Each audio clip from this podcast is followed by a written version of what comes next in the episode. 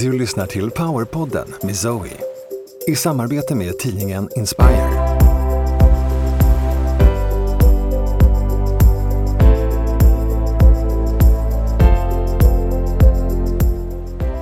Zoe är en av Skandinaviens ledande spirituella lärare.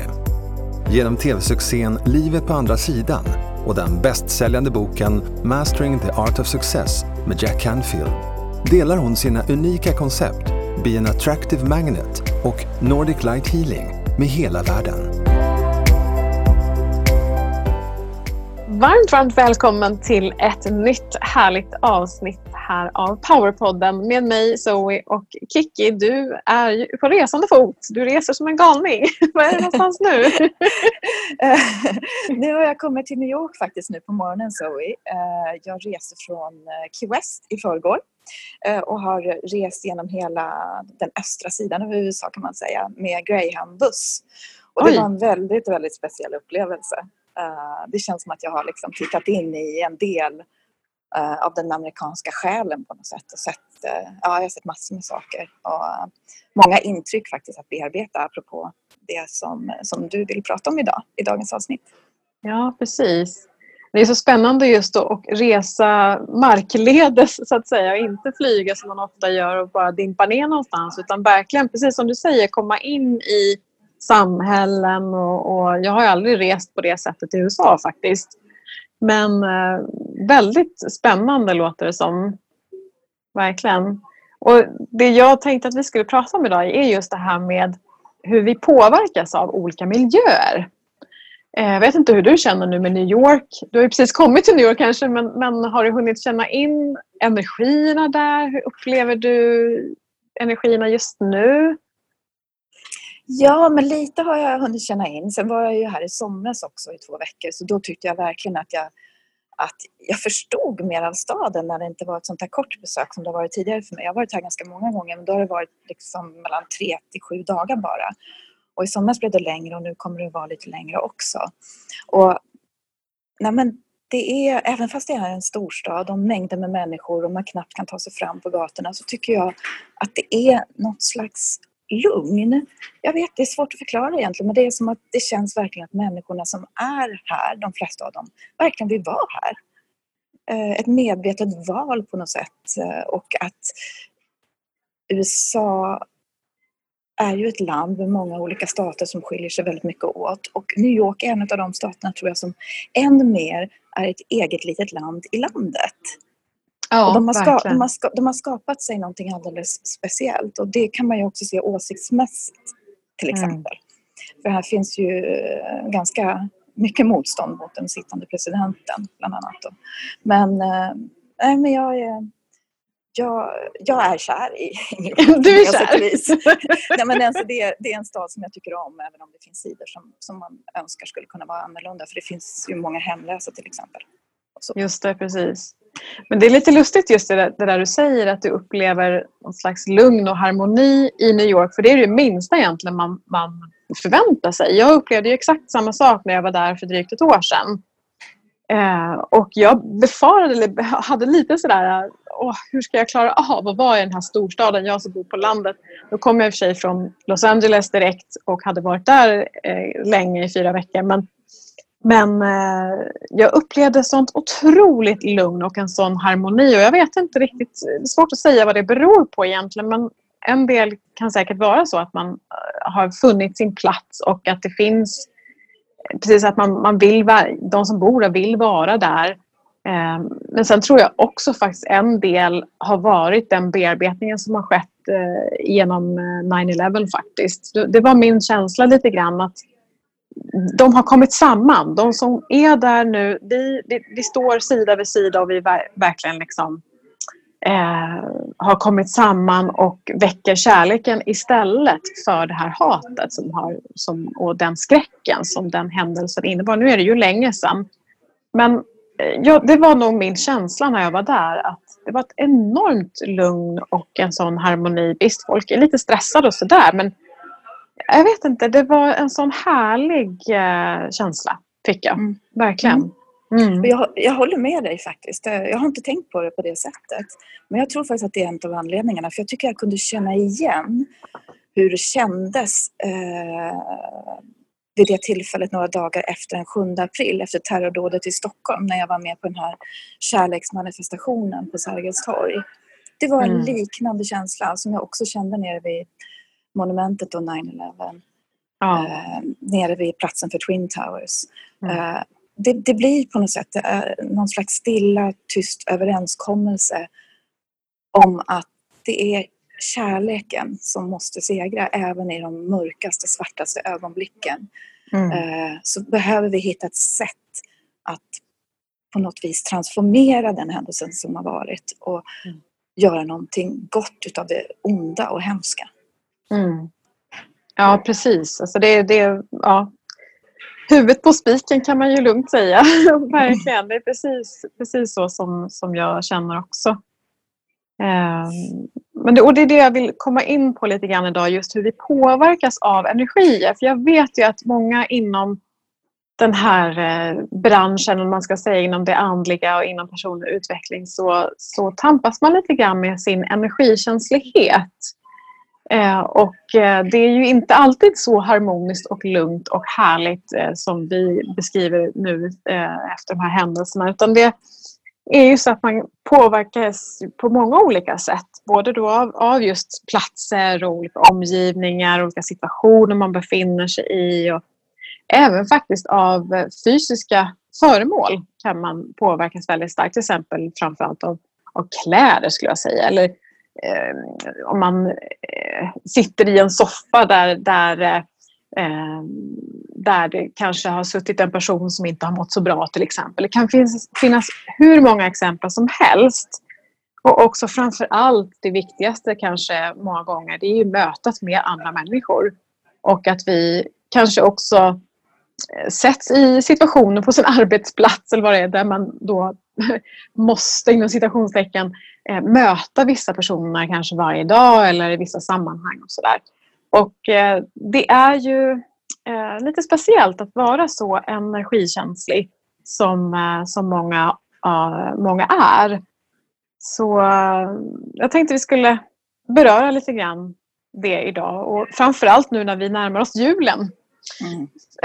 För jag vet ju det att det, det är inte alla som har det sådär äh, fluffigt och gulligt och harmoniskt som man ser på tv-reklamen kanske utan det är ju kanske ganska utmanande det är många familjer som, som är, är, lite splittrade. Man har både man har sina föräldrar på olika ställen och man pendlar däremellan. Och man ska försöka tillgodose allas behov och allas, äh, allas önskningar och förväntningar. Det finns väldigt mycket förväntningar kring, kring julen och alla ska vara glada och nöjda. Och, och så. Och det, det kanske inte alltid blir så utan då kan man också det här med att man inom citationstecken man tvingas till att, att vara med eh, vissa personer som man kanske inte umgås med i vanliga fall. Vissa familjemedlemmar eller släkt, eh, personer i släkten så där, som, som kanske kan vara riktigt, riktigt eh, svårt faktiskt. Så, eh, men det är också där, kommer jag tänka på nu, det är också där som man upptäcker hur pass långt man har kommit i sin, sin utveckling. man brukar säga, jag tror det finns något talesätt sådär att ja men tror du att du är upplyst eller så umgås med dina föräldrar eller umgås med din familj i en vecka och så får du se liksom hur det går. Så uh, ja, det är då man, det är då man uh, kanske triggas allra mest i de, de situationerna också. Så att, men eh, så att jag vet i alla fall att det, det kan vara extra utmanande eftersom jag har inte haft det så på, i, min, i min familj, min släkt. Vi har det väldigt mysigt och trevligt och harmoniskt och lugnt. Eh, väldigt härligt firande och eh, inget sådär jätte, jättespeciellt men vi har våra traditioner och, och, och så. Eh, men för vissa andra så kan det vara så att man behöver umgås med vissa människor som, som kanske inte mår så bra själva och då blir man väldigt påverkad energimässigt faktiskt. Så, mm. Men så jag tänker på det, eh, hur brukar du förbereda dig för sådana situationer?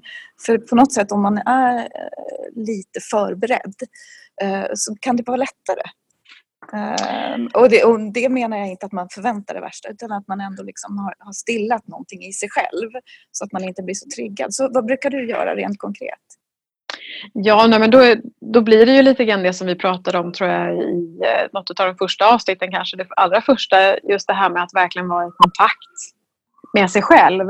Och, eh, för det är där också som man, man eh, eh har en möjlighet att Ah, vad ska man säga, värja sig idag. Eh, man pratar ju inom det andliga så pratar man väldigt, väldigt ofta att, ja, men, eh, om beskydd, att man ska skydda sig, man ska sätta upp murar runt omkring sig för att man ska klara sig på något sätt. Men jag, jag håller inte alls med om det faktiskt utan jag menar mer att, att vara i en väldigt stadig kontakt med sig själv och att därigenom också Ehm, så märker man när det kommer in någonting så att säga i ditt energifält som inte gör dig gott. Ehm, för då, då, märker man det som ett energiskifte. Att har du en god kontakt med dig själv och gör hjärtmeditationen till exempel eller något liknande, att man har en väldigt stadig kontakt med sig själv inåt så blir det också så att man, man vet hur sin egen energi känns. Så att när det kommer in någonting annat, eh, om det står någon till exempel bakom en i, i kön till ICA eller man, man är på någon allmän plats eller då man träffar någon släkting eller sådär som, eh, som man vet brukar äta av ens energi så eh, blir det mycket lättare där att ja men okej, nu kommer det in någonting annat här. Det här är inte min energi. Nu är det någon annan som kommer att hälsa på. Och då kan man också bara återgå, eller bara bara är det kanske egentligen inte, men det är fint att ha vissa verktyg och att verkligen okej, okay, nu fokuserar jag på min energi och förstärker den. Att verkligen kunna eh, stärka sin egen energi. För det blir som att du puttar bort, du puttar ut den andras energi. Du, du breddar ditt energifält.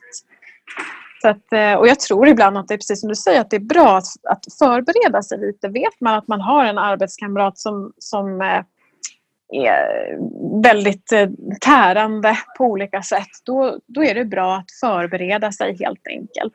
Men inte ur ett rädsloperspektiv.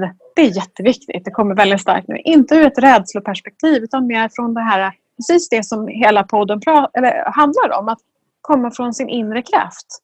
Och att det är den som är rådande. Du har din energi, du har din plats, du har din kraft. Och att utstråla den väldigt kraftfullt. Då är det som att då blir det ett skydd för dig. Ehm, så att då behöver du inte hålla på. Oj, oj, oj, oj, nu måste, jag, nu måste jag skydda mig från den här personen för den är ju så jobbig och hur ska jag klara mig? Och så blir det en negativ, en rädslospiral av det hela. Då. Så, men mm. men hur, hur gör man i sådana situationer när man märker att någon annan kanske blir faktiskt triggad av att man inte reagerar, att man inte går in? För att det finns ju i många sammanhang och kanske framförallt med någon som står en riktigt nära, vissa mönster. Uh, och uh, att det till och med kan trigga någon annan att man inte svarar utan att man är tyst eller att man väljer att gå därifrån eller att, att man i, i mm. någon slags stillhet tar sig bort från den här energimässiga situationen som inte känns bra för en. Ja, det där kan ju vara lite utmanande. Det har faktiskt hänt mig vid några tillfällen. Senast i somras så träffade jag en person som eh, jag inte, hade, som jag inte kände. Eh, och eh, hon, hon kläckte ur sig, jag kommer inte alls ihåg vad hon sa, men det var rätt otrevligt. Sådär. Hon eh, liksom klanka, klanka ner lite grann på mig. Det var som ett skämt men det, var, det, det blev väldigt plumpt så. Och det var inte utifrån något kärleksfullt perspektiv. Och jag var väldigt centrerad vid det här tillfället. Jag var oerhört i kontakt med mig själv. Eh, och då blev det så att jag faktiskt jag bara tittade på henne och bara försökte så mycket jag bara kunde att möta henne i total kärlek. Att bara, bara stå och titta. Eh, jag kommer inte ihåg exakt, exakt hur jag gjorde men då blev det bara som att jag var kärlek i den situationen. Eh, och eh, hon visste inte riktigt vad hon skulle göra där. Det blev lite svårt att... Och, för, I vanliga fall så kanske hon är beredd att, att det blir någon kommentar eller att det blir en konflikt eller att man triggas på något sätt och så och så hugger inte jag på det utan jag bara är. Ehm, men, men jag tror att det, det, det, blev rätt så bra i den situationen för jag, jag, jag gick inte igång på hennes, hennes hugg så att säga. Hon försökte hugga mig men det gick inte. Ehm, så ja, men det, jag vet det kan, det kan, eh, det kan trigga. Jag har ett annat exempel också. Jag hade en eh, nära släkting, jag tror det var farmor som gick bort för många, många år sedan. Och, eh, hon var gammal och det var inget konstigt egentligen men det är klart det, är, det var sorgligt ändå på sitt sätt. Men, men det var, hon var över 90 och det var inga konstigheter egentligen. Men, men jag kände så otroligt mycket kärlek i situationen och eh, just när någon går bort så där så blir det som att man kopplas upp totalt till, till det gudomliga i den. Det är som att en port öppnas eh, i, den, i den stunden och i den perioden när någon har gått över. Eh, och, och då var jag också i bara total kärlek och bara satt och log för mig själv för att jag bara kände den här otroligt, otroligt starka kärleksenergin. Och då var det någon i min omgivning som, som sa det just att men eh, vad, vad, vad skrattar du åt liksom? Alltså, vad, vad, vad ler du för? Ja, då blev det också väldigt konstigt och då, då försökte jag sådär att ja, men jag kanske ska se lite sorgsen ut. så. Men det, det gick nästan inte för att jag var i sån, i sån salighet, den här riktigt salighetsenergin. Eh, det var där jag, det jag fick kontakt med i den stunden. Så. Ja, det är lite spännande hur man kan uppleva saker och ting lite olika och faktiskt trigga, trigga andra i det som du säger också.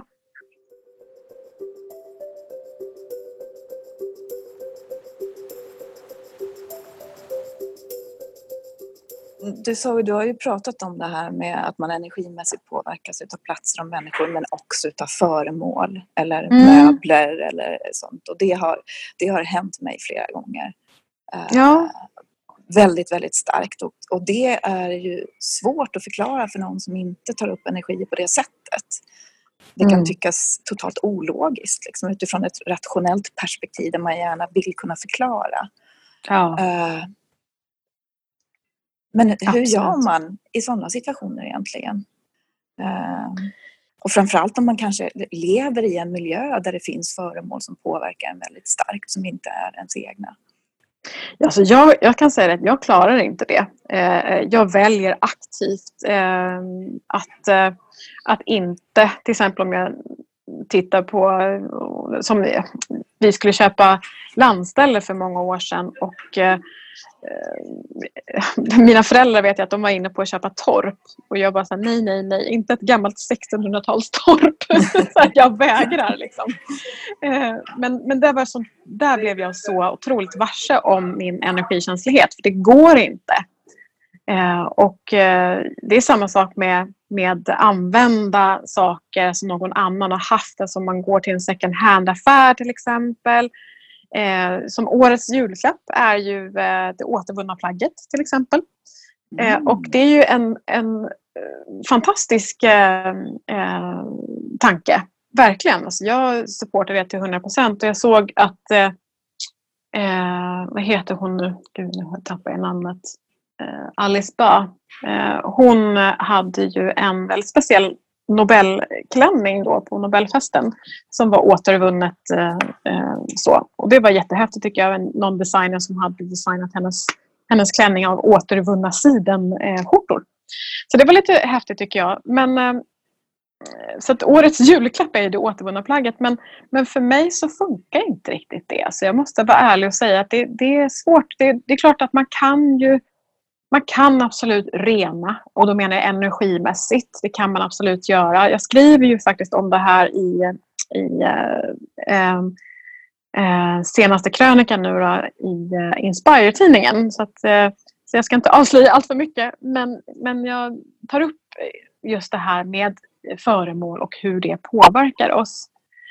Eh, så att det visst påverkar oss, det gör verkligen det. Och för det, det är jättebra för miljön att vi, att vi återbrukar och jag ställer mig verkligen bakom det. Men samtidigt också var försiktig i det, för det påverkar oss på så många, så många sätt. Eh, och det är samma sak med, tänker med gåvor som man kan ha fått sedan tidigare. Man kanske har fått en gåva från ett gammalt ex till exempel och sen så vill man inte göra sig av med det för att det, det, den var så dyr. Eller det kan vara vad som helst. Att, ja, men det, här, det här smycket eller och sen så kanske man inte har så bra relation. Det kanske inte blir ett bra avslut. Och så har man det där smycket hemma eller så har man de där, det där föremålet eh, någonstans hemma och så tänker man inte ens på det. Men det påverkar den faktiskt väldigt, väldigt tydligt. Så um, ja, det, det, man behöver tänka på det här faktiskt för att inte påverkas allt för mycket. Det, um, jag har ett, ett väldigt eh, tydligt exempel från, eh, från mig själv. När jag eh, konfirmerades så fick jag ett guldarmband av mina föräldrar som var då arvegods. Och det här guldarmbandet hade min farmors syster haft. Och eh, det här armbandet var en, en eh, förlovningsgåva från hennes eh, kille då som hon förlovade sig med. Nu var det så att hans föräldrar ställde sig inte bakom deras relation för de, de tillhörde olika klasser. Min farmors syster var då den lägre klassen och han tillhörde lite mer högre klass. Ingen jätterik person så, men det, på den tiden var det ju en stor skillnad på ett annat sätt. Och man skulle, han ville, hans sida då, hans föräldrar ville absolut inte att han skulle beblanda sig med min farmors syster. Det var ju hur fult som helst. Så att de hemlighöll ju sin relation eh, och, eh, och sen då förlovade de sig men det, det blev ju inte godkänt så att säga. Så att de var ju tvungna att, att eh, separera på grund av det här. Det var så starkt. Eh, det, det är någonting helt annat idag. Idag gör man lite som man vill och struntar i sina föräldrar många gånger. Men, eh, men eh, det gick inte helt enkelt. Så att de gick skilda vägar och han gick vidare och skaffade så småningom en annan, en annan relation och barn och sådär. Men hon, hon gjorde aldrig det. Och den här förlovningsgåvan som han gav till henne, den fick jag som 14-åring. Och jag blir fortfarande väldigt, väldigt berörd när jag pratar om det nu. För att det här, eh, som mycket annat i... Såklart det är inte bara det som har påverkat mig och mina relationer men det är faktiskt en del. Eh, att inte eh, Eh, ja, att inte få till det med relationer till exempel. och så där. Så att det, det, det var när det slog mig då för kanske, jag vet inte om det var tio år sedan någonting när jag ja, städade något skåp eller, någonting, eller något smyckeskrin som jag hade så ser jag det, här, eller det här armbandet och tänkte herregud, ja just det, Siri och Martin. Hur sjuttsingen, alltså det här det är klart att det har påverkat mig. För det här, jag gillade ju det här armbandet. Jag har aldrig använt det på mig för det var lite för stort. Men jag har ändå haft det. Så att, eh, så att jag renade det för kanske fem år sedan. Så renade jag det här armbandet och eh, tog in båda de två från andra sidan. Och vi gjorde ett avslut eh, kring hela den, den, eh, deras separation och, och så. Så att eh, ja, det levande exempel på hur det, kan, hur det kan bli och hur mycket man påverkas av det. En fantastisk historia. Jag tänker på um, också där jag också har känt att min kropp till exempel har reagerat kraftigt när jag haft på mig en gåva från någon där det inte har varit riktigt bra.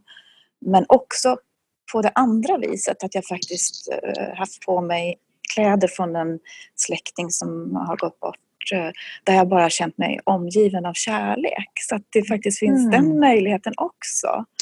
Uh, ja, att, att öppna upp för att ta in den bortgångna personens energi och bara känna ännu starkare, i alla fall har det hjälpt mig i min sorgebearbetning, ännu starkare närvaro med den här personen.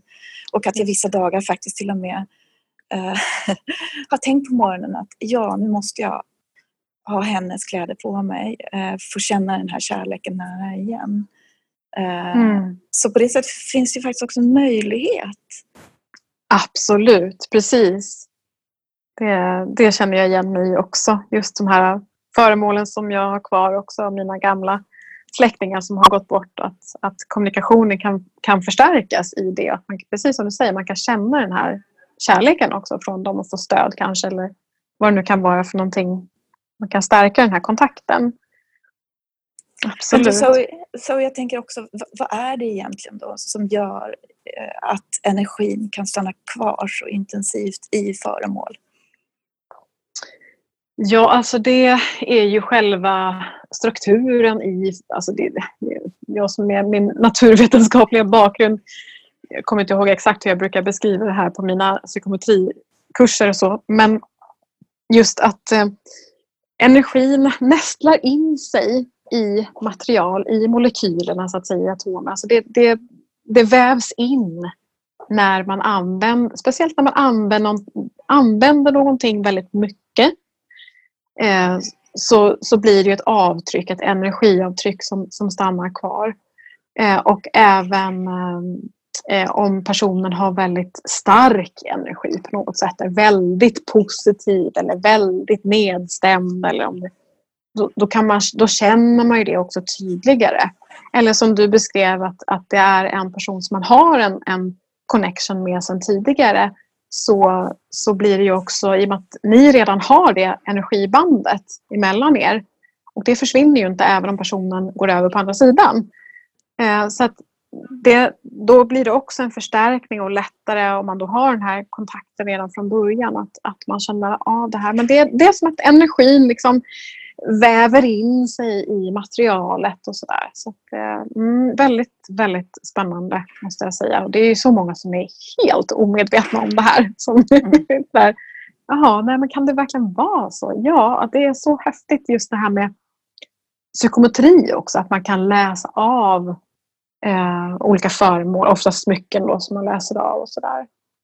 Så eh, ja, jag hade faktiskt ett, kom på nu ett, ett, eh, ett exempel på en kurs som jag höll för några år sedan. Då var det en, en person som hade med sig ett smycke då som en annan skulle läsa av. Och så läste hon av det här och beskrev väldigt ingående om personen och hur den var och allt möjligt. Kunde läsa av jättemycket och den andra personen, nej men det där stämmer inte. Så tog vi upp det här i gruppen och, och sådär och, och pratade lite grann om det. Och då, då frågade jag, men eh, vad, hur, vad kommer smycket ifrån? Jo, men det är ett ned, det här är omgjort, det är, nedsmält guld från en annan person. Jaha, sa jag, men den förra personen då? Kan du, vet du vem den var? Det innan smycket gjordes om, innan det, det här guldet smältes ner. Vem, vem, eh, vem var det? Och då plingade det till för henne. Då förstod hon att aha, det var den personen då ännu längre bakåt i tiden som den här personen fick in. Och det tyckte jag var så otroligt häftigt. Så till och med när vi har liksom smält ner det så finns det ett energiavtryck i, eh, i guldet så att säga. Trots att det har omformats till någonting annat.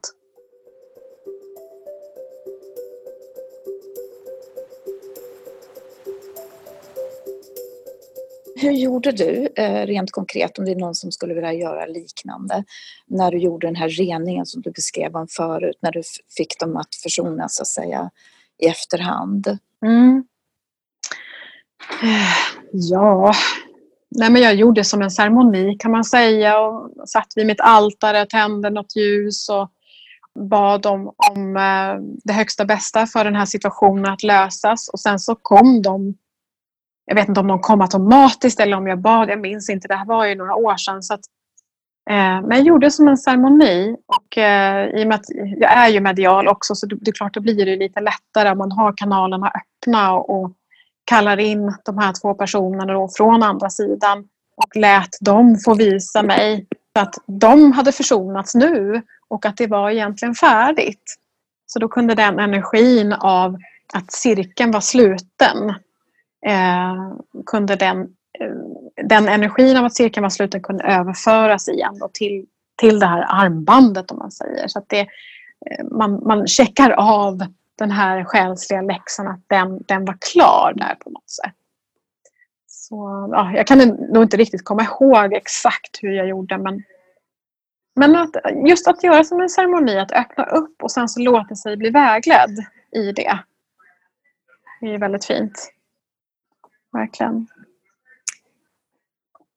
Är det någonting annat som du tänker på nu när vi går mot årets slut och, och julen och sådär? Eh, någonting energimässigt som vi kan utföra. Och med det menar jag eh, Finns det någonting man kan göra i form av att vara mer i naturen eller, eller att befinna sig på platser där man känner att man laddar batterierna på ett annat sätt? Finns det några sådana ritualer, ceremonier eller någonting man kan göra? Ja, absolut. Det finns det säkert. Man kan just, just julen, för mig i alla fall, har ju varit en, en tid av, eh, och tror att det är så för många faktiskt, en tid i stillhet.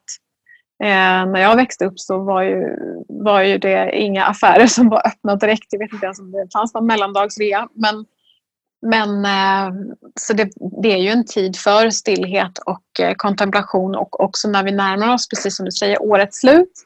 Att eh, det är dags att sluta cirkeln för det här året och stanna upp och bli en slags rening i det. Just att sluta cirkeln så blir det en slags reningsprocess och precis som du säger, som jag tjatar om väldigt, väldigt, väldigt ofta, det är ju att vara ute i naturen. Att, eh, att söka, söka sig tillbaka till, till ursprunget. För naturen är ju, bär ju den här ursprungliga energin, bär ju eh, den gudomliga energin eh, helt fritt, att det flödar helt fritt där. Så där är ju ett jättefint, det finns en fin, fin möjlighet där att verkligen eh, komma i kontakt med det och, och det blir en slags, en slags rening kan man ju säga. Bra, det känns ju som att det finns många konkreta saker vi faktiskt egentligen kan göra. Men, men så jag har ju tänkt på det där eh, eftersom jag har fått höra så många gånger i mitt liv att jag är så mycket känsligare för, för saker och energier än vad, än vad andra är. Men hur, hur kommer det sig egentligen att vi är olika på det viset? att att vissa människor faktiskt tar upp energier så mycket starkare än andra. Jag har funderat lite grann på det där också eh, i och med att jag själv också då är väldigt energikänslig och vad beror det på? Eh, och när jag har tittat på det rent energimässigt och mera eh, gått in och ja, tittat på det mer medialt kan man väl säga då. Så det jag kan se är ju att vi som är mera känsliga för energi har ett mer öppet energisystem. Så om man tittar på energier och hur vi alla är sammanlänkade så är vi ju i ett enda stort nätverk. Man brukar prata om oneness till exempel. Att vi alla är ett. Och det är ju i det här nätverket, energinätverket som vi hör ihop med allt och alla. Och vi som är då mer känsliga är också mer öppna. Det vill säga vi är, våra egna energikanaler är öppna utåt sett så att vi tar både in och ger ut, det, är, det här flödet in och ut av energier är eh, mera konstant. Medan de som inte känner av så mycket, de har ju sina energikanaler väldigt stängda. Det kan det ju ha blivit om man har varit med om något traumatiskt till exempel. Eller man eh, stänger in sig, man stänger sitt hjärta till exempel för att man har blivit sårad eller sådana saker. Eh, och sen tror jag också Eh, att det är så att vissa föds också mera in, inte i kontakt så att säga med sin omvärld på samma sätt. Utan man, man har vissa, vissa energikanaler öppna eh, men inte särskilt många. Och det är också beroende på hur man väljer innan man inkarnerar. Att, men nu vill jag välja en upplevelse av att vara mer avstängd. Så det är ingenting att det är bättre eller sämre på något sätt. Utan man väljer den upplevelsen. Så att det är väl så lite grann jag kan se det. Och sen så är det ju också så att många är, har ju erfarenheter och minnen från andra sfärer. Att ha levt på andra platser, andra planeter till exempel. Andra högre medvetandenivåer. Och där, eh, det vi gör till exempel hemma på Plejaderna, då, där jag kommer ifrån. Eh, där så eh, blir en automatisk blandning. När man träffar en person så blandas energierna. Det är som att man skickar ut en energiarm och känner in den andra personen. Det, det blir på något sätt att man, man hälsar på varandra på det sättet. Att man hämtar information. Eller man, man, inte för att man ska spionera på något sätt utan det blir så här, men hej, liksom, nu, nu hälsar precis vi handhälsar. Då, då energihälsar vi. Och då byt, utbyter man energier.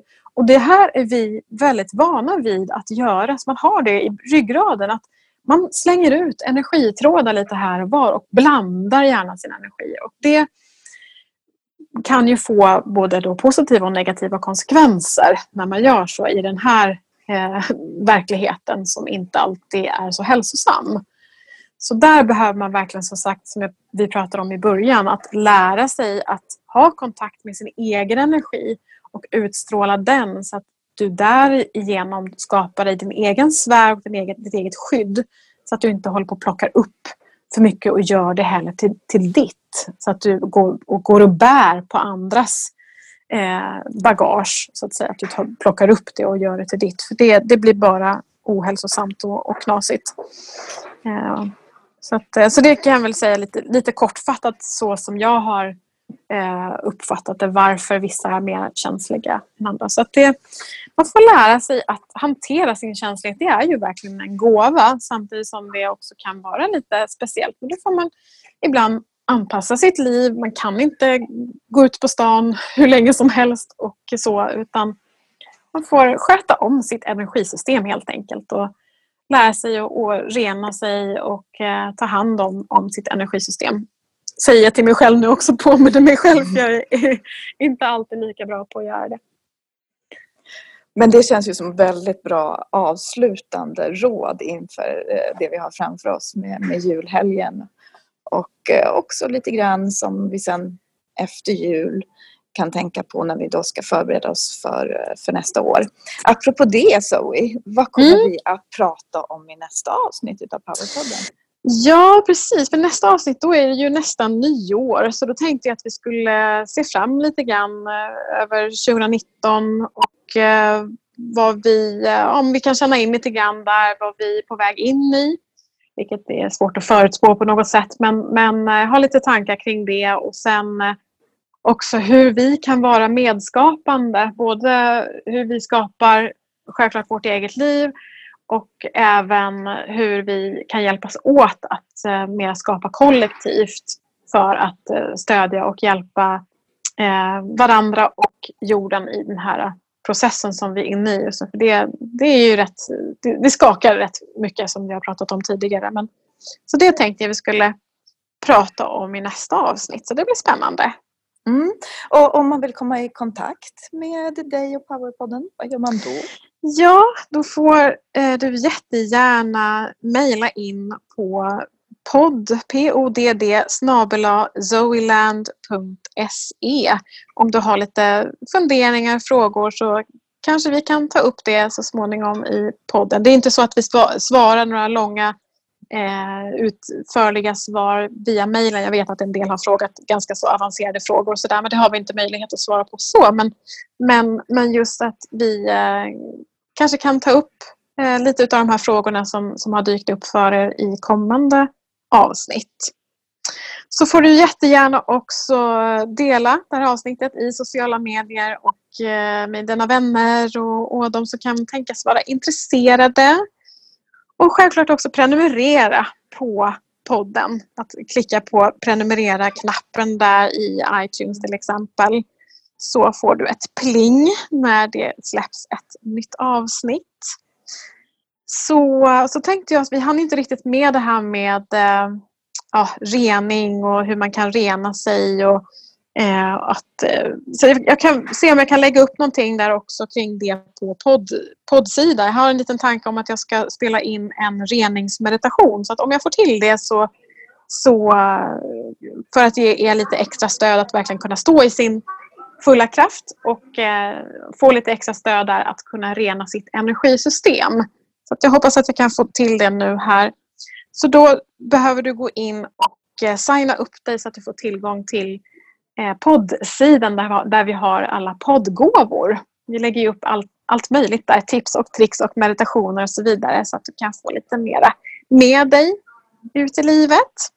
Och sen är ju jag väldigt nyfiken på hur du där hemma brukar rena dig eller rena föremål. För jag vet att det är många som, som gör det här dagligen eller eh, ofta och har gjort det länge. Och jag tror att eh, vi kan hjälpas åt lite grann där att att få lite tips kring, kring rening och hur, hur du renar ditt energifält, hur du renar eh, olika saker till exempel, eller rum eller så vidare. Så att, där tror jag vi kan utbyta fina erfarenheter. Så skriv gärna under inlägget på Instagram eller på Facebook så fortsätter vi vår konversation där. Då återstår det väl bara att säga tack för idag. Ja, tack så jättemycket. Härligt att ha dig ända från New York. Härligt att få vara med och känna att, det, eh, att man kan på något sätt ändå vara på två platser samtidigt. Ja, det är lite häftigt. Energimässigt så funkar det mesta. Ja, absolut. Ha det så jättebra så ses vi nästa gång. Ja, ha det så gott. Hej då! Hej!